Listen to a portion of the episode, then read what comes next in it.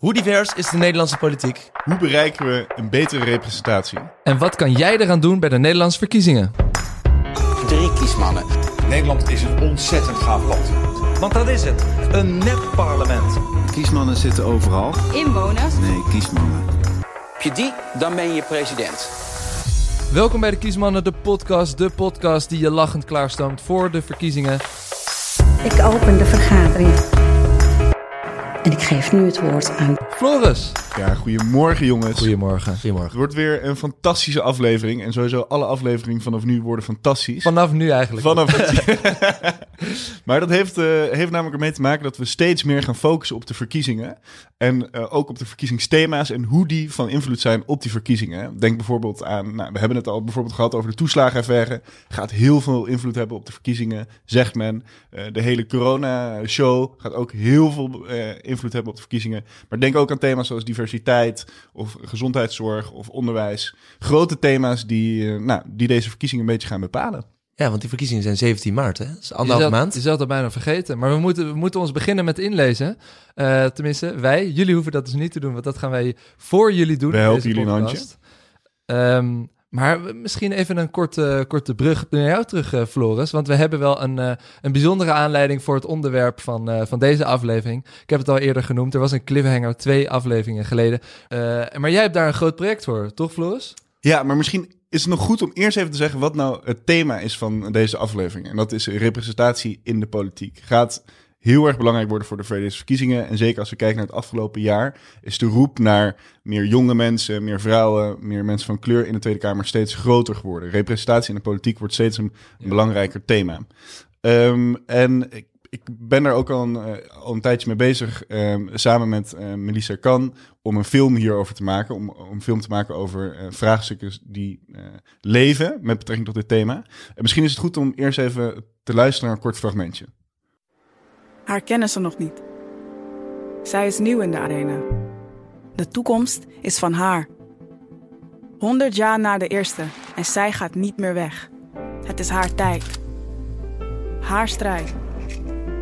Haar stem is luider dan ooit en heeft momentum.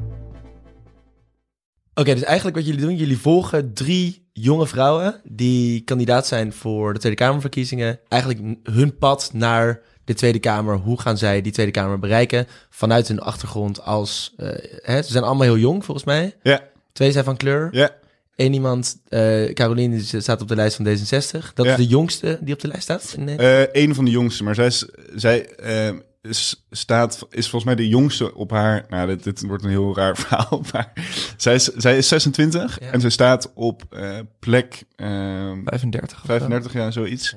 Ehm, maar dat is natuurlijk een best een lage plek gezien het aantal zetels wat D66 allicht gaat halen. Ja. En dat is precies haar punt. Hoe kan het dat een iemand die onder de 30 pas zo laag op de, op de lijst staat? Dat moet niet. D66 is een jonge partij eh, en heeft ook jonge mensen in de Kamer nodig. Oké, nou daar gaan we het zo nog later over hebben. De documentaire. Momentum heet die, hè? Waar kunnen we hem eh, sponsoren, steunen, zien? Nou, dat is een hele goeie, want... eh, Ik me- denk, ik tik er maar even voor je. Ja, heel goed. Heel erg bedankt. Ehm, we zijn op dit moment begonnen met een crowdfunding actie om de productie van die, eh, van die film mogelijk te maken. En iedereen kan nog bijdragen. Ieder, we, we lopen nog, eh, volgens mij de campagne loopt nog 20 dagen.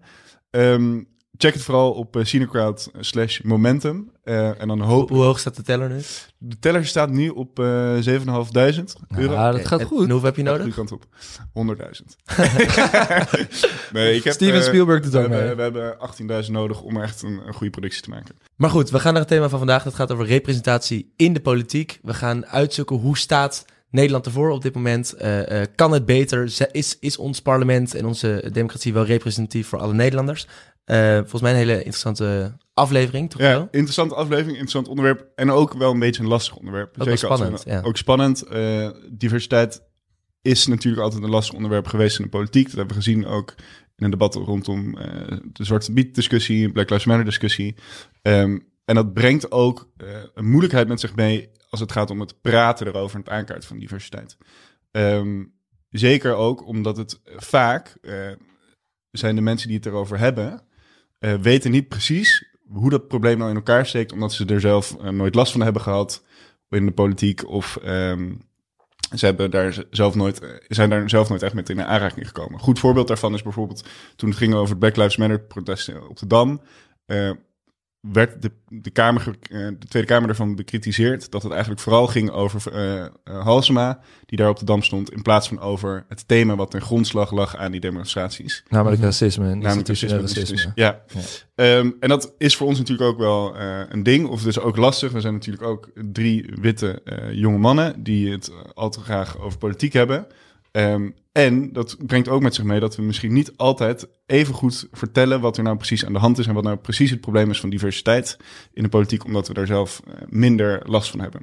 Dus we gaan een poging wagen. We gaan een poging wagen. We gaan met billen bloot. En eh, misschien goed om te, om te weten, we gaan ook bellen met mensen, inbellen met mensen die er iets meer verstand van hebben. Zodat ze ons een, een, eh, nou, op weg kunnen helpen. Maar we gaan het in ieder geval wel proberen, want het is een te belangrijk thema om te laten liggen. Ja, dus laten we eens even beginnen met hoe divers is eigenlijk die Nederlandse politiek. Gewoon even een, setting the stage. Hoe ziet het er allemaal uit? Laten we beginnen met even te luisteren naar een speech uit 2015 van Tonahan Kuzu van Denk. Voorzitter van vak X naar de rest van de Kamer. Kijk ons hier eens met z'n allen zitten. Zijn wij een goede afspiegeling van de samenleving? Zitten hier niet te veel academici? Mensen die vanuit de niet vanuit de praktijk denken, maar vanuit de theorie. Mensen die de wereld kennen van onderzoeksrapporten in plaats van rechtstreeks vanuit de straat. Zitten hier niet te weinig vrouwen? Nederland heeft nog nooit een vrouw als premier, als minister van Financiën of als minister van Buitenlandse Zaken gehad. Het mogen duidelijk zijn. Mark Rutte kiest vooral voor mannen. Mark Rutte kiest vooral voor mannen. Ja, Dat is een nieuwe slogan, die had ik nog niet gehoord. Nee, maar maar- ik kies voor mannen. ja maar wat Tonahan Kuzu natuurlijk wel ook terecht zegt... we hebben nog nooit een vrouwelijke minister van Buitenlandse Zaken... maar misschien nog wel belangrijker... nooit een vrouwelijke premier en er nooit een vrouwelijke minister van Financiën gehad. Terwijl ik ben eventjes dat gaan onderzoeken... en weet je hoeveel geld Nederland dat zou schreeuwen, al, schelen... als we al een Nederlandse minister van Financiën had die vrouw is? Ja, ik vind het toch wel ironisch, eh, nog wel heel even kort van toen aan Kuzu. Volgens mij heeft Denk ook nog nooit een vrouwelijke eh, lijsttrekker gehad. Of überhaupt een vrouwelijk Maar ze bestaan ook nog niet zo heel lang, hè? Nee, en maar terug even naar zijn terechte punt. Dit is weer afleiding. Dit is weer afleiding. Dus eigenlijk mijn grote vraag: eh, nog nooit een vrouwelijke minister van Financiën. Wat kost dat? Het is een hele mooie begroting geworden. En ik, eh, ik kijk er zeer naar uit om zo meteen aan de Kamer te gaan aanbieden. Wat kost dat? Ja, wat jongens, uit internationaal onderzoek blijkt, je kan beter geld geven aan vrouwen, want die geven dat veel beter uit. Bijvoorbeeld één onderzoek laat zien dat in Amerika een alleenstaande vrouw zo'n 33.000 dollar per jaar uitgeeft. Een alleenstaande man 35.000. Dat is 3,5% minder uitgaven eh, als je de, een vrouw over het geld laat beschikken. Ik heb even een rekenensommetje gemaakt. Als je nou de Nederlandse begroting neemt van 2019, dan waren onze uitgaven begroot op zo'n 286 miljard. Hè? Als het nou een vrouw was geweest, een vrouwelijke minister van Financiën, kunnen we dus al snel, 3,5% eraf, 10 miljard euro besparen. Ik zeg doen, meteen doen. En, nou, en dat zie je eigenlijk ook met het omgaan van geld. Eh een onderzoek laat zien dat eh, bedrijven die door vrouwen bestuurd worden 30% harder groeien. Nou, stel je voor dat ons BBP ook nog eens met 30% zou groeien. Dat heeft de redactie even voor ons uitgezocht. Dat scheelt dan toch ook weer zo'n 6,3 miljard eurotjes En dit, per dit, jaar. dit allemaal, oké, dit is wel een beetje een kort door de bocht conclusie natuurlijk. Het eh, Amerikaans onderzoek. eh, eh, En het, leidt, maar- maar, en, het, en het leidt misschien ook wel echt van het wezenlijke probleem natuurlijk af. Ja, misschien is dit even een flauw rekensommetje. Het was een flauw rekensommetje en het zegt vooral van eh, diversiteit moeten we doen, want we zijn er eh, financieel beter uit. Maar dat is natuurlijk niet de onderliggende reden waarom diversiteit belangrijk is in. Uiteraard. La- laten we even kijken naar, naar diversiteit. Als we het toch over, over gender hebben en over mannen en vrouwen. Hoe, hoe staat Nederland ervoor eh, op het gebied van, eh, Diversiteit. Ja, van diversiteit? Ja, Waar on- on- slecht? on- Even- we gaan het even hebben over, over een man-vrouw verhouding. We gaan het hebben over mensen met etnische of eh, andere culturele achtergrond. Eh, of ander moet ik niet zeggen, maar diverse culturele achtergrond. Eh, en ook kijken naar leeftijdsverschillen. Eh, hoe zit het eigenlijk met die... Ja.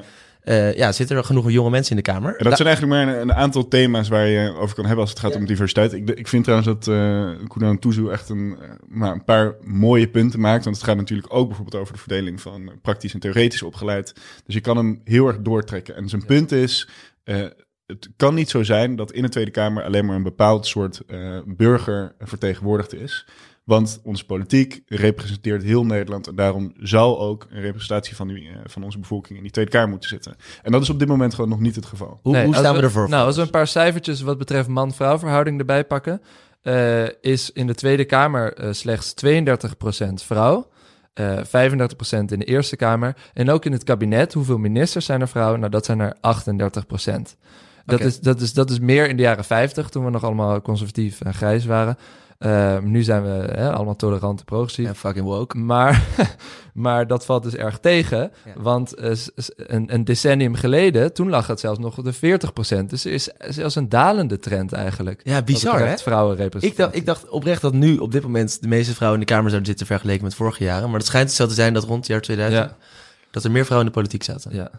Ehm, dus ja, en hoe zit dat bij andere... Nou ja, dus hier heb je het alleen- over... eh, Hè, de Man-vrouw cijfers- verhouding. Ja, man-vrouw verhouding. Maar bijvoorbeeld zwarte vrouwen... die stonden helemaal niet op een verkiesbare plek... afgelopen verkiezingen. Ehm, heeft ook gedeeltelijk in geresu- geresulteerd... dat we eh, geen enkele zwarte eh, Nederlander in de Tweede Kamer hebben op dit moment. Ja. Ehm, en dat is een probleem. En dat zijn, zijn steeds meer partijen zijn zich daar ook van bewust. En die zijn dus meer gaan letten op die representatie. Ook Ja, dus zie je dat nou de- beter in de lijsten voor, voor de komende ja, je ziet wel dat eh, partijen daar meer op letten. Eh, je hoopt natuurlijk uiteindelijk dat na de verkiezingen dat er ook wordt gecapitaliseerd. In de zin van dat die mensen ook daadwerkelijk de Tweede Kamer inkomen. Ja, door middel ziet- van voorkeurstemmen. Precies. Ehm, maar ook, je ziet ook wel echt dat partijen ehm, bepaalde mensen hoog op de la- laat- eh, lijst hebben gepla- eh, Mhm. geplaatst. Zijn er nou verschillende partijen die dat meer doen dan anderen? Of hoe, hoe Nou, je kan, PvdA wordt wel een beetje gezien als koploper hier, hierin. Bijvoorbeeld vier van de vijf, van hun vijf topkandidaten zijn vrouw. hebben meer dan, of ze hebben volgens mij iets van eh, tussen de 25 15 en 35 procent. Dit moet je me even verschuldigd blijven. Heeft een niet-westerse achtergrond op een eh, verkiezings, eh, verkiezings, verkieslijst. Sorry. Ehm, maar opvallend is dat de eh, VVD het ook helemaal niet zo slecht doet. Eh, want bijna 15% eh heeft een multiculturele achtergrond. Ja, bij die, Mark, of die lijst van Mark eh, staan er dus ook achter Mark Rutte staan er vier vrouwen. Er worden ook wel een beetje Mark's Angels genoemd. Ja. Eh, dus, dus Dus vro- vroeger was Weet het misschien een beetje iets van, iets van links. Weet ik niet zeker hoor. Maar die, die Ja. inzetten op diversiteit op de lijst. En je ziet dus nu ook dat bijvoorbeeld Gingspartij VVD... dat die een stuk diverser... ja, je, lijst ziet- ja, je ziet nog steeds wel dat linkse partijen dus nog steeds wel meer geef, geven. Nou, geven, dat klinkt zo lullig, maar dat het daar belangrijker wordt geacht. Dat, dat ze echt een heel diverse eh, lijst hebben met mensen uit alle lagen van de samenleving. Ehm, je ziet bijvoorbeeld ook bij vrouwen dat de Partij voor de Dieren en GroenLinks 60% vrouwen op verkiesbare plekken hebben staan. Oké, Dat is oké. echt best wel veel. En, en als we het dan hebben, hè, we hebben het nu over etniciteit en, eh, en gender gehad. Maar eh, een van de andere dingen waar we ook naar, naar, naar kijken is hoe, hoe jong zijn die mensen? Hè? Zijn er ook mensen van onze generatie die op die lijst staan? En dan zie je bijvoorbeeld dat ehm, nou, partijen die het eigenlijk helemaal niet zo goed doen, is bijvoorbeeld eh, is de, is de VVD. Daar staat de eerste jonge Kamerlid van 28 op de lijst. Staat ook op nummer 28. Eh ironisch, makkelijk te onthouden. Maar ehm, Dat is wel eh, er wordt oh, natuurlijk ja. altijd, er wordt altijd gerept, hè? meer jongere, jongere revolutie, zei onze premier.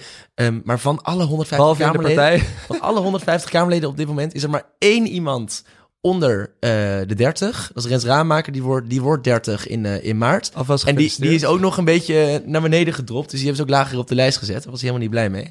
Dus hij staat nu op nummer 19. Dat is voor D66 eh, nog he- helemaal niet gezegd dat dat eh, een verkiesbare plek is.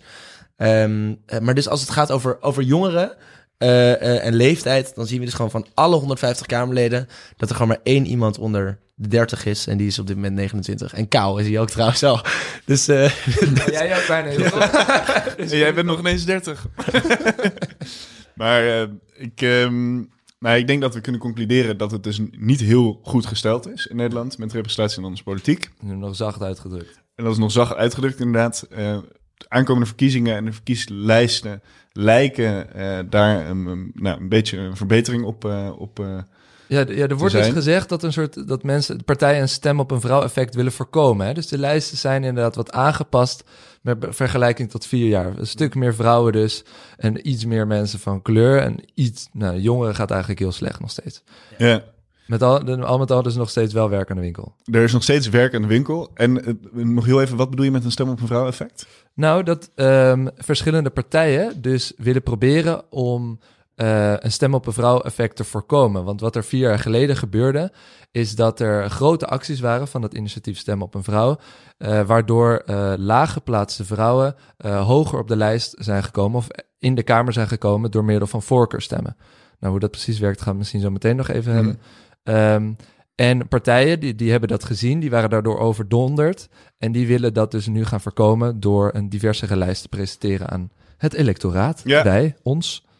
Goed, het is dus slecht gesteld, kunnen we wel concluderen gezien deze lijstjes. Ehm, en dan rest natuurlijk de vraag van wat kunnen we eraan doen en vooral waarom is die diversiteit zo belangrijk? Ja. En om daar antwoord op te geven hebben we een kleine voice note van eh Carline van Breugel, lijst eh, plek 32 van D66. Zij vertegenwoordigt vooral een jonge stem binnen die partij. Dat is ook een van de kandidaten die we volgen met de film Momentum. En we hebben haar even kort gevraagd om eh, nou, iets meer duiding te geven over waarom diversiteit zo belangrijk is. De representatie in de politiek uh, kan worden verbeterd door in eerste instantie zelf op korte termijn strategisch te stemmen. Oftewel uh, kiezen voor om te stemmen op een vrouw, op een persoon van kleur of op een jong persoon. Nou, die laatste ben ik natuurlijk zelf groot fan van. Maar wat er langdurig nodig is, is dat we het systeem van binnenuit openbreken. Oftewel dat die lijsten zelf al inclusiever zijn. En dat gaat om een stukje bewustzijn. Bewustzijn van vooroordelen dat we de witte man nog als daadkrachtige leider zien. En, en van vrouwen verwachten dat ze bijvoorbeeld bescheiden en dienstbaar zijn. Daarbij nemen we hem minder serieus in een dergelijke rol. Uh, of denken we van jongeren uh, snel dat ze te weinig levenservaring hebben. De diversiteit die zij meebrengen is echter ook een belangrijke factor, omdat daardoor je een hele andere waarde meebrengt. Namelijk kennis van wat er speelt onder bepaalde groepen. En dat je deze kunt vertegenwoordigen in de Kamer, maar dat deze groepen zich ook gehoord gaan voelen. En daardoor meer betrokken voelen bij de politiek. Ja, duidelijk verhaal. Lijkt me heel logisch eigenlijk. Het klinkt allemaal zo logisch, maar toch hebben we het heel lang voor lief genomen. Hè? Ik denk dat dat toch een van de problemen is, ook die, die, die deze jongen en ook in, in je film willen, willen aankaarten. Mhm. Dat, we, dat we dat voor lief nemen gevoel eigenlijk nu moeten gaan doorbreken en openbreken. Ja, komt ook een beetje voort aan, uit, de, uit de notie dat, dat we vaak zeggen dat identiteit niet per se invloed zou moeten hebben op hoe goed beleid wordt gemaakt of hoe goed politiek wordt gevoerd. Um, en zij zegt daarvan eigenlijk, nou, die identiteit is wel degelijk belangrijk, want het brengt ook bepaalde kennis mee over wat voor een uh, beleid welke implicaties heeft op de samenleving. Um, jij, jij, ja, Floris, jij, jij, jij, jij, lijkt op om een term eigenlijk uh, te be willen benoemen, maar hem een beetje misschien ontwijken. Ik denk dus voor de luisteraar die denkt toch, hé, hey, wat is dat? Volgens mij heb je het namelijk over identiteitspolitiek. Mm -hmm. Lastig. Uh, dus misschien... Uh, Kort explainer. Een korte explainer, Ja. korte pitch. Ik zet, ik zet de timer even aan, ga ervoor. Nou, volgens mij is identiteitspolitiek het voeren van politiek gebaseerd op de vaak onderdrukte sociale identiteit van een bepaalde groep. Het is, het is een breed begrip waaronder verschillende bewegingen vallen, die bijvoorbeeld etnische achtergrond, seksuele geaardheid, gender of religieuze identiteit voorop stellen. Mm -hmm. Denk bijvoorbeeld aan de tweede feministische golf, de emancipatiebewegingen van Afro-Amerikanen en uh, homoseksuelen. Hoe is dat? Ja, precies. 25 seconden. Keurig. Nou, ik, ik, uh, ik heb geleerd. Maar volgens mij het punt was, wat jij zei, is dat uh, veel mensen vaak kritiek ook uiten op dit soort bewegingen. Die zeggen, ja, je moet niet op uh, jongen gaan stemmen om, omdat je zelf jong bent... of op een uh, Afro-Nederlander gaan stemmen omdat je zelf uh, Afro-Nederlander bent, et cetera, et cetera. Daarmee identiteitspolitiek aan het bedrijven. En hoe, hoe, hoe sta jij daarin deel? Want ik, heb, ik weet dat jij wel eens hebt, hebt gezegd van, ja, is het nou wel nodig om elke keer jongeren te verkiezen op de lijst? Want in principe kan iemand zoals bijvoorbeeld een Bernie Sanders, die heeft ontzettend veel uh, aanhangers uh, onder jongeren. Moet het altijd een jong persoon zijn die ook jongeren vertegenwoordigt? Nou, uh, het, het, het, risico van, van dit soort bewegingen is in dat je steeds kleinere hokjes of steeds kleinere groepen gaat opdelen. Wat Floris al zei, van willen we dan op een gegeven moment mensen die groene ogen hebben, dat je daarop gaat stemmen. Ja. Maar ik denk dat deze bewegingen super belangrijk zijn, zowel in de geschiedenis als nu omdat ze een, een tijdelijke roep eigenlijk om aandacht, om, om uh, erkenning, om gelijke behandeling geven, ja. die broodnodig is. En soms moet je, hè, net als met de feministische beweging of de uh, Black Lives Matter beweging, uh, het, het creëert een soort breuk, een soort openbreken van een nieuw gesprek en een nieuw debat, ja. wat denk ik goede politieke gevolgen kan hebben. Maar uiteindelijk hoop ik dat, we, dat je dan, wanneer die breuk geforceerd is, dat we dan weer naar een soort gedeelde, uh, ja, gedeelde groepen gaan, gedeelde ideeën van samenhorigheid, uh, waarin we elkaar achter elkaar kunnen schuilen, achter gedeelde ideeën of waarden uh, die belangrijk zijn in een democratie. Ja, want, want, hoe zit dat nu eigenlijk op dit moment? Misschien, Flo, misschien weet jij Zeker dat wel. Rand. Er zijn dus Sorry, trouwens, partijen, zeker als we het bijvoorbeeld hebben over um, um, men, mensen van kleur in de politiek, dan hebben we natuurlijk partijen die deze keer meedoen aan de Tweede Kamerverkiezingen, bijvoorbeeld een B1, ja, die, daar, precies. die daar expliciet op inzetten. Sylvana Simons. Ehm, Ja. eh, maar er zijn ook partijen, de- wat we net hoorden, eh, bijvoorbeeld eh, wie we nog niet hebben genoemd, is de ChristenUnie, maar ook, ook een VVD, ook een PvdA, die juist daar ook op inzetten, maar binnen een bestaand framework van de partij eigenlijk. Dus die daar Ja. niet speciaal nieuwe partij voor hebben opgezet. Bijvoorbeeld een Denk is een ander voorbeeld. Ehm, hoe, hoe, hoe verschilt dat? Zijn dat, zijn dat bijvoorbeeld binnen die emanci- emancipatiebeweging van Black Lives Matter, hebben die een bepaalde eh, ja, stemvoorkeur? Of zeggen die van dit, we moeten of het een doen of het ander? Eh, het kan binnen de PvdA of er moeten juist nieuwe partijen worden opgericht. Ehm, nou, dat is lastig om te zeggen, maar misschien wel goed om te zeggen is dat aan de ene kant kan je natuurlijk zeggen van, nou, deze partij heeft een goede representatie op de lijst. Aan de andere kant kan je ook een onderscheid maken tussen partijen die diversiteit hoog op de agenda hebben gezet. Mhm. Dus VVD heeft misschien een, een relatief goede representatie. Ja. Moet wel gezegd worden dat ze nog steeds geen eh, mensen van kleur op de lijst hebben. Jawel, geen zwarte mensen op de Geen lijst. zwarte mensen op de lijst. Ehm, maar diversiteit is voor hen niet per se een, een groot issue. Dus dan eh, zeg je van, nou, we nemen wel mensen van, van die groep op onze lijst, maar we gaan het er verder niet meer over hebben. Ja. En dat is wel degelijk anders als je natuurlijk kijkt naar partijen zoals Bijeen, die eigenlijk ook met die reden is opgericht om dat toch meer te gaan forceren in het debat. En het Eigenlijk om die identiteitspolitiek te voeren, toch? Een VVD zegt van, hey, je moet, zolang je hard werkt, maakt niet uit eh, welke kleur jij bent, om het even kort door de bocht te zeggen. En een bijeen kiest ervoor om te zeggen, we moeten juist die zere plekken in, eh, ja, op dit moment in de maatschappij benoemen en agenderen. Ja. Ja, in principe, zij willen gewoon dat dat gesprek beter wordt gevoerd en ook door de mensen wordt gevoerd die daar vooral door worden getroffen. Ja, en een ander voorbeeld is natuurlijk, eh, als, we, als we het hebben over, over eh, leeftijd, dan hebben we nu partijen zoals Jong. Ik weet niet of onze luisteraars of iemand daar nog nu van heeft gehoord, maar dat is inderdaad een partij die alleen maar voor jongeren is opgericht.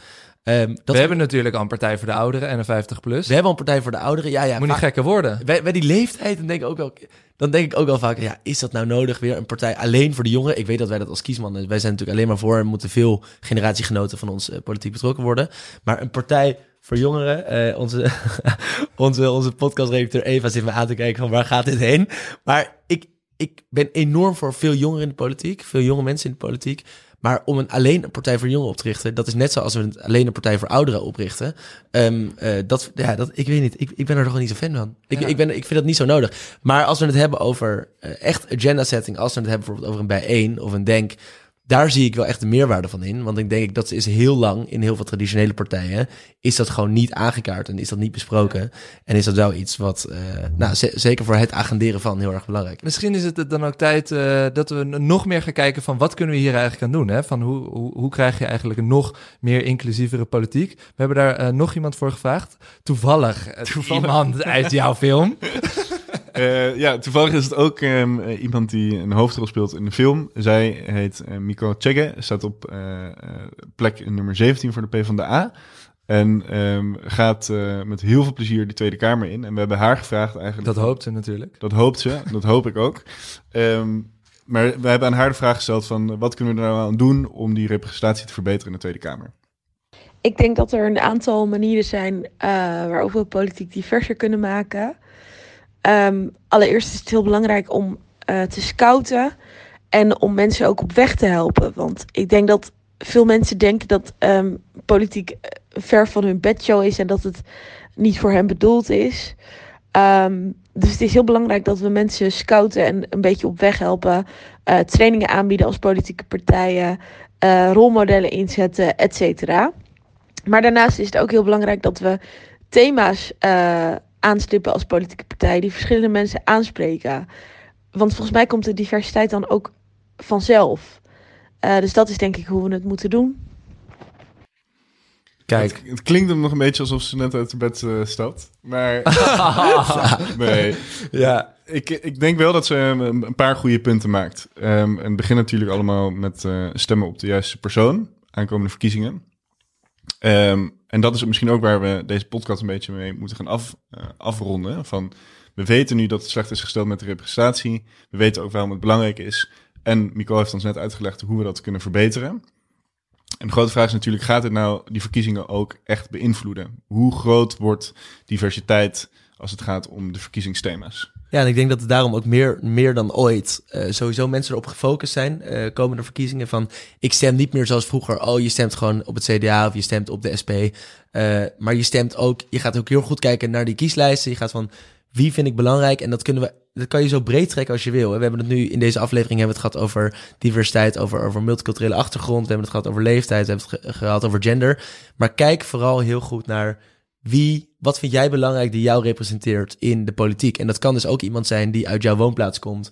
Of dat kan ook iemand zijn eh, ja, waar je gewoon heel erg fijn bij voelt. Verdiep je in die, in die lijsten. Eh, ehm, kijk goed naar, naar, ja, naar, naar wie vertrouw jij je stem eh, toe. En er zijn heel veel verschillende initiatieven voor. We hebben stem op een twintiger campagne. Je hebt stem op een vrouw campagne. Ehm, Stem op een zwarte vrouw campagne. Stem op een zwarte vrouw campagne. Ehm, dus verdiep, verdiep je in die kieslijst. En dat gaan we ook de komende weken nog wel verder uitlichten. Ehm, maar ik denk dat dat En de- Mikkel had het natuurlijk over al die belangrijke thema's. En daar gaan wij het natuurlijk ook eh, de komende weken over hebben. Ja. Ehm, dus hou je vast, brace yourself voor de komende afleveringen. Eh, maar er was eigenlijk eh, één ding wat ik eigenlijk miste bij haar. En dat is toch nog echt een briljant idee, wat ik vond dat ontbrak. En dat kan natuurlijk alleen maar uit de koker van het waanzinnig wetsvoorstel komen. Een waanzinnig wetsvoorstel.